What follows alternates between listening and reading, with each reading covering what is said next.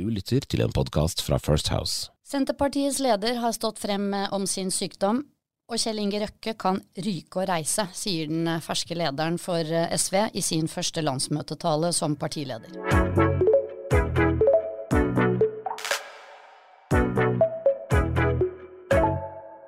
Med det stuper vi inn i partienes landsmøtesesong.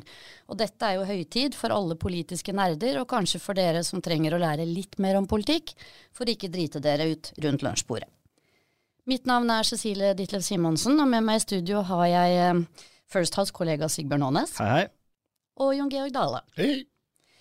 Dagens eh, hovedtema er altså landsmøtene, men eh, vi skal eh, innom litt andre ting. Vi skal innom den politiske kalenderen, vi skal innom ukens snakkis, og vi skal selvfølgelig også innom ukens hodepine. Eh, Jeg syns det er hyggelig å takke alle dere som eh, hørte på vår første episode. Vi har fått mange tilbakemeldinger. De mest kritiske fikk vi fra egne kolleger, men det er vi vant til her i First House. Og så syns jeg det var veldig morsomt at vi altså hadde med lyttere fra Japan, og faktisk en fra Nepal. Ja, det, fra Nepal syns jeg var litt, eh, litt eh, spennende. For jeg tenker hvis dette er en person på vei opp på Mount Everest, og det siste vedkommende lytter til før det går galt på vei opp til Nei, men- toppen, er stemmen vår. Vi får håpe han eller hun har med seg en skjerpa, da. ja. Dere, vi skal til eh, ukens snakkis. Det har jo skjedd mye. Blant annet så har det vært en del snakk om lekkasje fra Arbeiderpartiet om en ny strategi. Sigbjørn, hva tenker du? Nei, det var, det var for så vidt veldig interessant. Det var interne målinger Arbeiderpartiet sjøl har gjort, som viser at de har mista sakseierskap på veldig viktige, og de fleste saker. Og sakseierskap er avgjørende for et parti, både for å vinne velgere og uh, for, å, for å gjøre det bra. Eh, og ikke minst så, så viser det jo at de må slutte å undervurdere velgerne. De prøver hele tida å, å skylde på kommunikasjon og eh, fortelle en historie som folk ikke tror på. Eh, krig i Europa og alt det her, istedenfor å også se på at det er, det er nok noe de gjør sjøl som, som ikke funker. Men du, bare for å liksom, Sakseierskap, hva betyr det? Ja, det betyr tilliten i ulike saker til ulike partier. For eksempel så ser man at MDG har høyt sakseierskap på klima. Det definerer det partiet. Det som tradisjonelt har definert Arbeiderpartiet, er jo det å skape nye jobber, altså arbeid. Eh, Men det sakseierskapet har eh, Høyre flere ganger de siste årene tatt over fra Arbeiderpartiet, men tradisjonelt så har det definert Arbeiderpartiet. Men det som er interessant, er jo hvor mye er dette en ø, faktisk lekkasje, eller hvor mye er det egentlig en erkjennelse i Arbeiderpartiet om at de faktisk må begynne å gjøre noen grep. Og Jeg tror jo for så vidt at det at de nå er ærlige på kardskranta når du ser målinger ned mot 15% er avgjørende for det som er en planlagt snuoperasjon i Arbeiderpartiet. Eh, Og Sånn sett er det jo interessant å se at de nå ikke bare holder seg til den linja som Støre tidligere har hatt rundt at det er, det er historiefortellinga som det har skorta på. Her vedgår de jo langt på vei at de på flere saksområder må de også få til et løft. Men Tenker du at lekkasjen var bevisst? Ja. Ja, det tenker jeg åpenbart at den var. Det er den beste måten å få folk i partiet til å få med en eh, endring i strategi, det er faktisk å lage et sånn hemmelig notat, og så skriver du strategien i, på en tosiders notat, glem det på en kopimaskin og la en journalist finne det, skriv om det, for da, eh, da, da står det i VG, og da, da får man det med seg. Hvis det bare går en sånn mail rundt omkring, så er det bare få som leser den, og man tar den ikke så til seg. Er Dette det er et kjent triks. Er det sånn du opererte, som spinndoktor for Erna? Nei, ikke som spinndoktor, men det kan jo hende jeg har operert sånn, ja. Mm, som strategisk rådgiver, da. Svaret er, svaret er ja. Ja. To strek under. Ok, Høres ut som du har drevet sånn da. Naturligvis. Nei, men men, men det, det er fordi at av og til så handler det om at noen andre må fortelle den historien som gir innsikt, og du kan jo på en måte ikke alltid gå ut og ta I hvert fall i politikken kan du ikke gå ut og ta kjempesjølkritikk i en tidlig fase på det.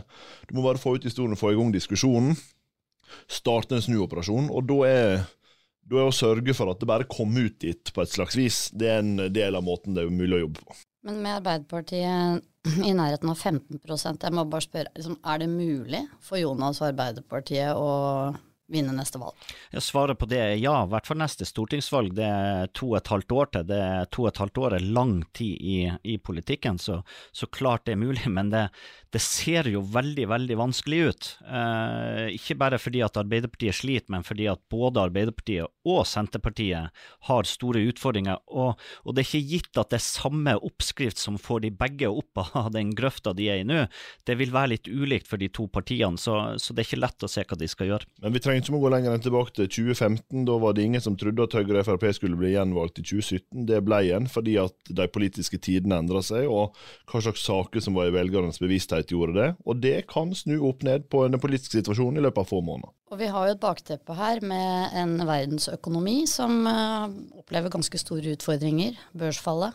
Ja, uh, børsfall og bankkrise. Og vi, vi, har jo De fleste i First House jobber jo med finans og næringsliv og kommunikasjon. Uh, og det er klart, for de har jo, har jo børsfall og bankkrise vært en større snakkis enn landsmøtesesongen. Og det er klart, det er, det er veldig mye usikkerhet der ute nå, og det preger norsk næringsliv og, og mange av oss andre. Det er nok en del bedriftsledere som syns det er rart at ikke landsmøtene fokuserte noe mer på makroøkonomi. Det blir ganske skal vi si, lokale temaer som diskuteres. Men det blir det ofte liksom når politikken drar seg til. Men det fine med det er at det ofte skjer fordi de makroøkonomiske trendene og finanspolitikken virker helt uavhengig av landsmøter. Sånn at Det er jo det som ofte gir stabilitet og forutsigbarhet på hvordan dette skal eh, funke. Pengepolitikken og finanspolitikken er mer stabile enn de enkeltvedtakene som du normalt vil kunne risikere å få på et landsmøte. Så det er egentlig bra for norsk næringsliv at det ikke er store diskusjoner om makroutviklinga på det. Det sørger Finansdepartementet for at bare surrer og går, helt uavhengig av landsmøtesesong. Ja, da vet vi det. Og så før vi forlater Uken snakkis, Sigbjørn, du har vært på klimafestival i Bergen. Hva ja, skjedde der? Ja, i alle dager. Nei, jeg, jeg så Hvordan havnet du der? Nei, altså, festival er festival. Det kan jo være kjempegøy, så jeg tenkte altså det å sitte i ro på konferanse, det klarer jo ikke jeg. ikke sant? Det, det, blir for tøft og for tungt. Men festival kan jeg klare, for da kan du gå litt og shoppe, og så tar du deg en øl og har det veldig gøy. Og så tenkte, ble jeg nysgjerrig og tenkte dette så da morsomt ut, og jammen var det ikke gøy. Eh, men jeg hadde Lærte du noe? Visst lærte jeg noe, men jeg må bare si at jeg hadde nok ikke sett for meg Sigbjørn for 10-15 år siden, jeg hadde ikke sett for meg jeg skulle gå på klimafestival men det har jeg nå gjort, og jeg skal tilbake. Kjempebra i Bergen. Så bra, du begynner å bli voksen. Da skal vi til dagens uh, hovedtema, dere. Landsmøtesesongen er i gang, og først ut hadde vi landsmøte til Senterpartiet og SV. Og aller først, dere, hva er det egentlig som skjer på et landsmøte, og hvorfor skal vi bry oss om det? Sigbjørn først. Eh, landsmøtene er veldig viktige for, eh, for, de politiske partiene. Det er det kan du si, øverste organet i ethvert parti. Sånn at det som vedtar på et landsmøte, det man vedtar på et landsmøte, er partiet og partiledelsen pliktig til å, til å følge opp. Det er generalforsamlingen? Ja, det er generalforsamlingen. Så er det litt annerledes. For f.eks. Høyre og Venstre så er, kan du si, de folk folkevalgte de øverste, så der er det stortingsgruppen, altså stortingsrepresentantene de øverste. Sånn at, sånn at et partilandsmøte kan ikke egentlig skal si, prinsipielt overstyr de folkevalgte, men, men, også for alle formål så fungerer det, fungerer det også sånn der. Og Det betyr at det som vedtas på landsmøtene blir veldig viktig, og det er klart spesielt nå det som vedtas på eh, landsmøtet hos de tre partiene som styrer, vil si Senterpartiet og Arbeiderpartiet, men også hos SV vil få betydning for politikken eh, og nasjonen skal føre fremover. Hva var det viktigste som skjedde på Senterpartiets landsmøte, Jon Georg? Nei, det tror jeg vi skal se litt an, egentlig, hva som blir svaret på. Men det er egentlig to ting som er viktige. Det ene er hva blir vedtatt, og det andre er hva blir ikke vedtatt. Uh, og i, På Senterpartiets landsmøte tror jeg kanskje det viktigste punktet er det som ikke ble vedtatt. Og hva var Det Nei, det var f.eks. varsla stort strømopprør på landsmøtet. Det klarte de å avverge. Det kunne ha medført betydelig omlegging av energipolitikken i Norge på kort tid, og det ville ha gitt en kjempeutfordring for Arbeiderpartiet hvis Senterpartiet drev gjennom det på sitt landsmøte og bandt opp regjeringslaget sitt på det, f.eks. Så det tror kanskje aller viktigste det på Senterpartilandsmøtet, det var at eh, partiledelsen i Senterpartiet klarte å holde unna alt støy, bortsett fra på den saka som handler om elektrifisering av Melkøya. som de tapte, og som for så vidt kan gi ringvirkninger for hele måten vi tenker elektrifisering av samfunnet på, hva slags posisjon Senterpartiet kommer til å innta der framover, hvordan påvirker det regjeringsprosjektets energipolitikk på dette, og ikke minst hva slags eh, påvirkninger har det for klimapolitikken. Vedum overrasket jo, jeg tror, de aller fleste med å stå frem og fortelle veldig åpent om sin sykdom, MS. Han fikk gode tilbakemeldinger på det, og det er mulig det er litt kynisk å, å spørre om dette, men men bidro det også til at Senterpartiet unngikk oppmerksomhet om temaer de gjerne ville slippe å snakke om?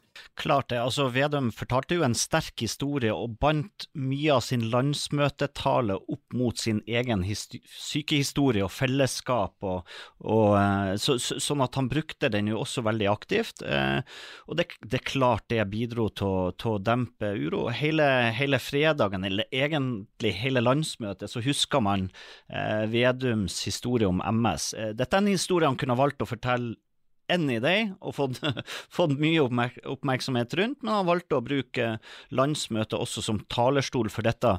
Eh, og det kan jeg forstå. men Det er klart at hvis, hvis Senterpartiet nå hadde hatt kjempebehov for å få opp ny politikk og nye politiske vedtak, så ville, så ville den landsmøtetalen ha overskygga det og vært negativ. Men eh, denne gangen hadde nok ledelsen i Senterpartiet eh, først og fremst behov, som Jon Georg sier, for å ikke eh, ha, få mye konflikt og, og, diskusjoner og nye vedtak. og Dermed så, så eh, var denne talen sånn sett veldig bra og funka veldig godt. Er det noen som tenker at det er selvsentrert av en leder å nei. ta så mye oppmerksomhet? Nei, nei, nei. nei.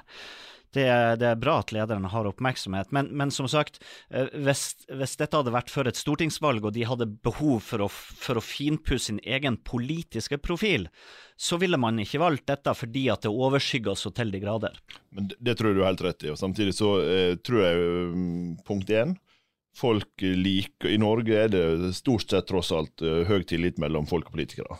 Og Det at folk tør å være åpne og ærlige også rundt vanskelige tema som berører dem privat, det tror jeg er en styrke både for politikerne, men også for tilliten mellom uh, velgere og politikerne. Men så tror jeg jo Sigbjørn har helt rett i at hvis Senterpartiet nå surfer på ei bølge av medgang, så ville ikke Trygve gjort dette i landsmøtetalen. Da ville han funnet en annen arena for det. Sånn at måten han regisserte dette på, gjør jo i tillegg til at han får eie sin egen historie om dette, gir den jo noen mulighet til å punkt én, sette dette inn i en politisk kontekst, som åpenbart er smart. Det andre det gjør, er jo at det tar støynivået rundt sak som en ikke vil ha fokus på, ned. Og det ville jeg tenkt, hvis jeg var spinndoktor for Trygve, at det var en smart vurdering for eh, årets landsmøte. Det er mye kommunikasjonsstrategi i politikk. Ja, det er det. Det, er det. det skjedde jo mer på Senterpartiets landsmøte, og jeg tror nok at eh, det som ikke har vært så mye skrevet om, men eh, som kan bli resultatet etter helgas landsmøte, det er, det er, noen tøffe, tunge forhandlinger og måneder fremover internt i regjeringa. For hvis man ser tre vedtak eh, fra Senterpartiets landsmøte, så er det nei til elektrifisering av Melkøya. Det blir hodepine for Arbeiderpartiet, hva skal de gjøre nå? Og det blir vanskelig for de oppe i nord, hvor Senterpartiet vil fremstå som at de er imot, selv om regjeringa lander for og Arbeiderpartiet får skylda. Det andre er eh, de vedtok en politikk på skatt for norsk næringsliv, som går imot det som har vært regjeringas linje til nå, eh, og som vil eh, for alle praktiske formål også betyr at de endringene som kanskje også kommer, i større grad belastes Arbeiderpartiet. Senterpartiet vil nå ha en profil på hvor at de vil komme næringslivet i møte, vi har forstått kritikken, eh, og så får, og så får på mange måter Arbeiderpartiet skylda der. Og det tredje er rusreform, hvor jeg tror det er ganske stor avstand når du leser det som, det som står mellom disse. Og Det er klart, det, det, det, er ikke sikkert vi ser dette så tydelig ut av de neste månedene, men, men, eh, men spesielt det på skatt og elektrifisering tror jeg er krevende for eh, mellom disse. Der legger Senterpartiet ganske heftig press på Arbeiderpartiet. Ja, de gjør det, fordi at det er klart elektrifisering av Melkøya blir ei hodepine eh, på, på, så mange måter. Og, og, det er en fryktelig upopulær sak oppe jo nærmere Melkøya du, du kommer, og, og nå vil det for alle praktiske formål fremstå som at i regjering er det sånn at Senterpartiet kjemper imot, og hvis dette blir godkjent, så er det altså Arbeiderpartiet som har dratt det gjennom, og får skylda. Men dette viser også noe av den dynamikken som alltid vil være i en koalisjonsregjering.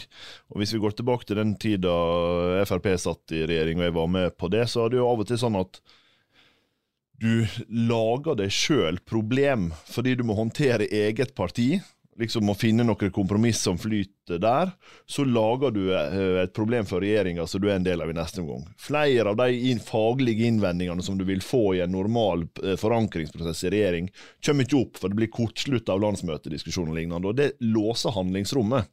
Og det er sånn at En ting er at det blir et, et gnagsår mellom Arbeiderpartiet og Senterpartiet, f.eks. elektrifisering av Melkøya, som nå framstår helt åpenbart at det vil bli.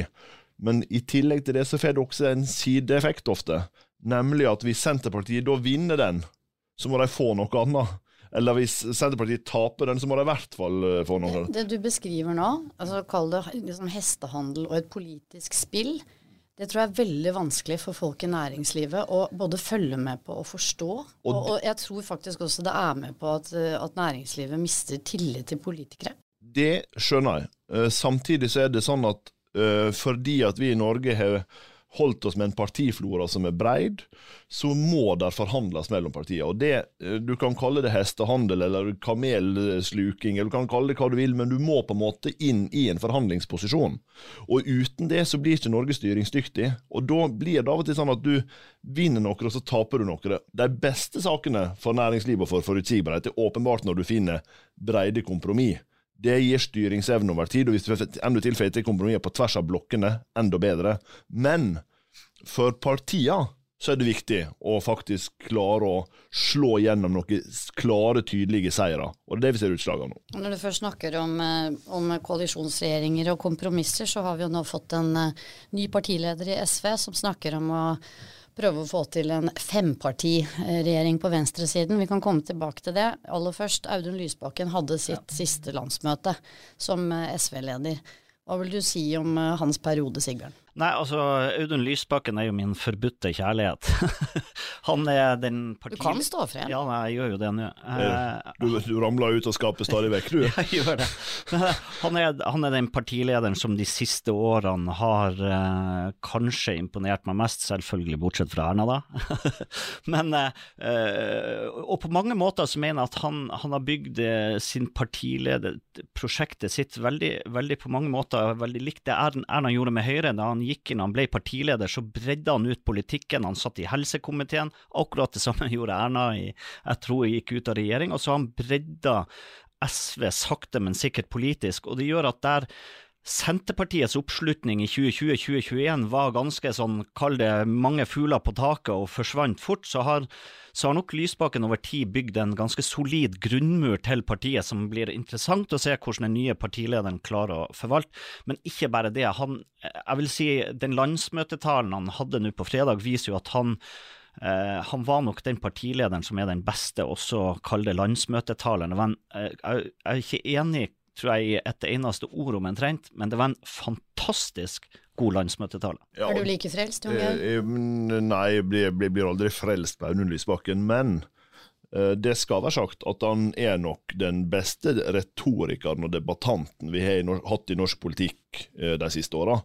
Og han har et helt unik evne til å kle av seg dressjakke og brette opp skjorteermene, stå i liksom krevende debatter med veldig eh, høyt innslag av retorikk og enkle og klare, gjennomarbeidede budskap.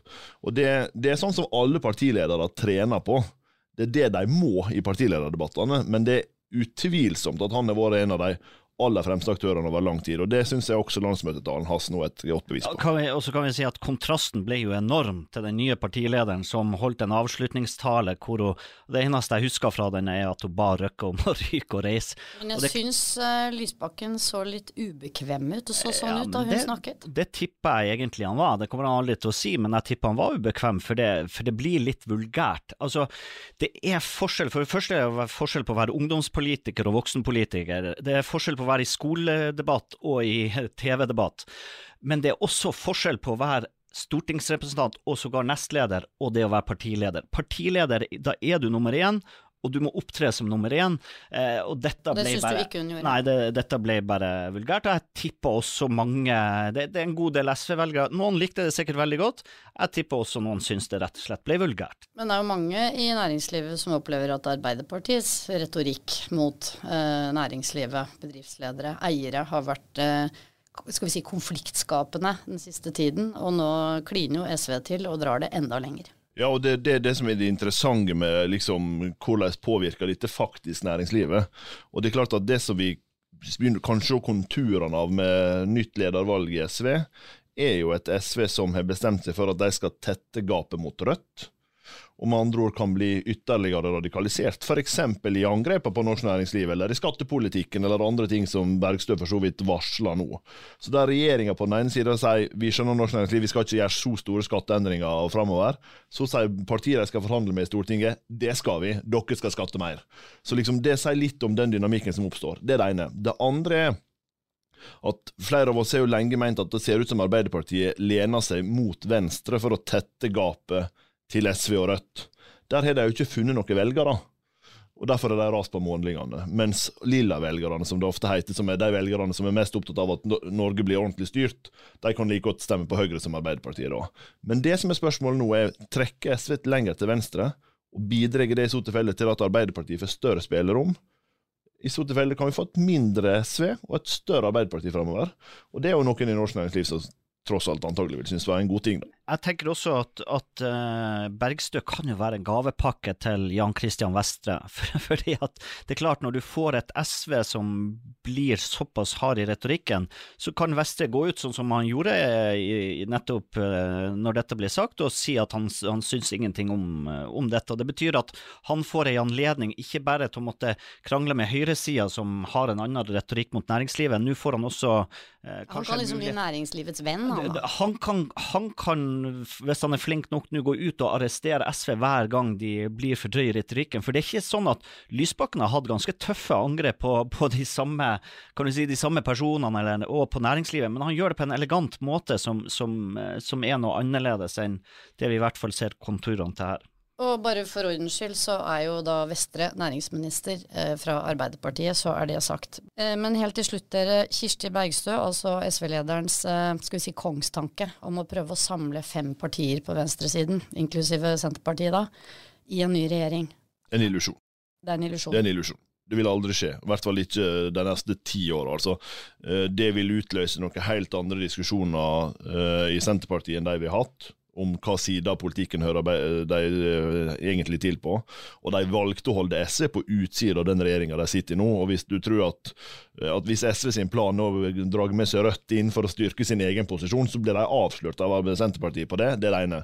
Det andre er at det er jo også veldig mange i Arbeiderpartiet som vil tenke at å samarbeide med laget til Bjørnar Moxnes i regjering ja, det skal, sjø, det skal renne mye vann i sjøen for den tid. Totalt utenkelig og kanskje en hjelp for Jonas Gahr Støre.